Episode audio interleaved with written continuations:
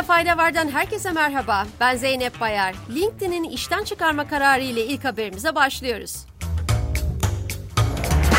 İş dünyasının önemli platformlarından LinkedIn yaptığı resmi açıklama ile 668 çalışanı ile yollarını ayıracağını açıkladı. İşten çıkarmalardan ARGE ve finans departmanlarının etkileyeceğini belirten şirket, yapay zeka konusunda çalışan yetenekleri kadrosuna katmayı hedeflediklerini belirtti.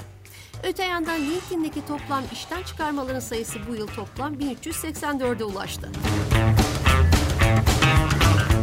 Bir işten çıkarma haberi de Rolls-Royce'dan geldi. İngiliz mühendislik şirketi Rolls-Royce Holdings, dünya çapında 2000 ila 2500 çalışanını işten çıkarmayı planladığını açıkladı. Bu rakam şirketin mevcut istihdamının %6'sını oluşturuyor. Yeni yapının müşterilere daha iyi hizmet verebilecek ve birinci sınıf ürünleri sunmaya devam edecek daha çevik bir işletme olmasının hedeflendiği kaydedilen açıklamada planlanan değişiklikleri maliyet verimliliği sağlayacağı kaydedildi. ABD otomotiv şirketi Ford'da sular durulmuyor. Ford Yönetim Kurulu Başkanı Bill Ford, otomotiv işçilerinin bir ayı aşkındır devam eden grevinin Amerikan ekonomisine etkisine ilişkin uyarıda bulunarak Birleşik Otomotiv İşçileri Sendikası'na grevi durdurma çağrısı yaptı.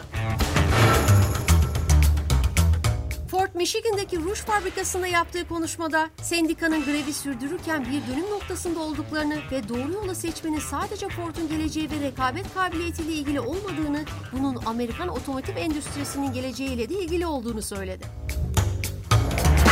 Sendika liderlerinin müzakerelerde kendilerini düşman ilan ettiğini belirten Ford, asla çalışanlarını düşman olarak görmediklerini vurguladı.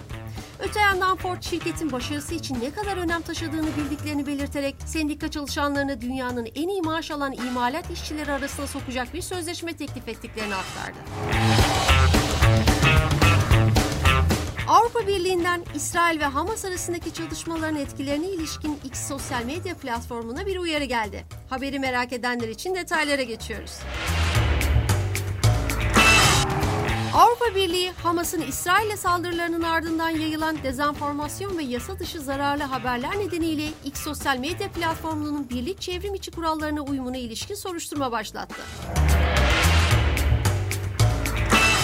Avrupa Birliği'nin Ağustos ayında yürürlüğe giren yeni dijital kuralları çerçevesinde X'in çok büyük çevrim içi platform sınıflandırmasında yer aldığı anımsatılan açıklamada X'in yasa dışı içeriğin yayılması ve dezenformasyonun önlenmesi gibi çeşitli yeni kurallara uyması gerektiği belirtildi. Hatırlatma yapmamız gerekirse Avrupa Birliği kural ihlalinde bulunan dijital platformlara küresel cirolarının %6'sına varacak şekilde para cezaları uygulayabiliyor.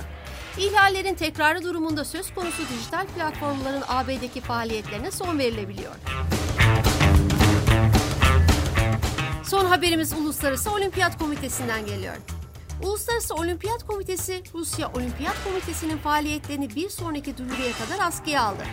Askıya alma kararının ardından Rusya Olimpiyat Komitesi ulusal bir komite olarak faaliyet gösteremeyecek ve herhangi bir fondan yararlanamayacak.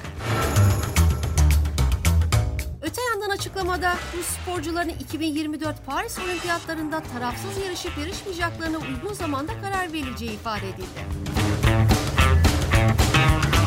Bugünlük bu kadar. Cuma günü tekrar görüşmek üzere. Hoşçakalın.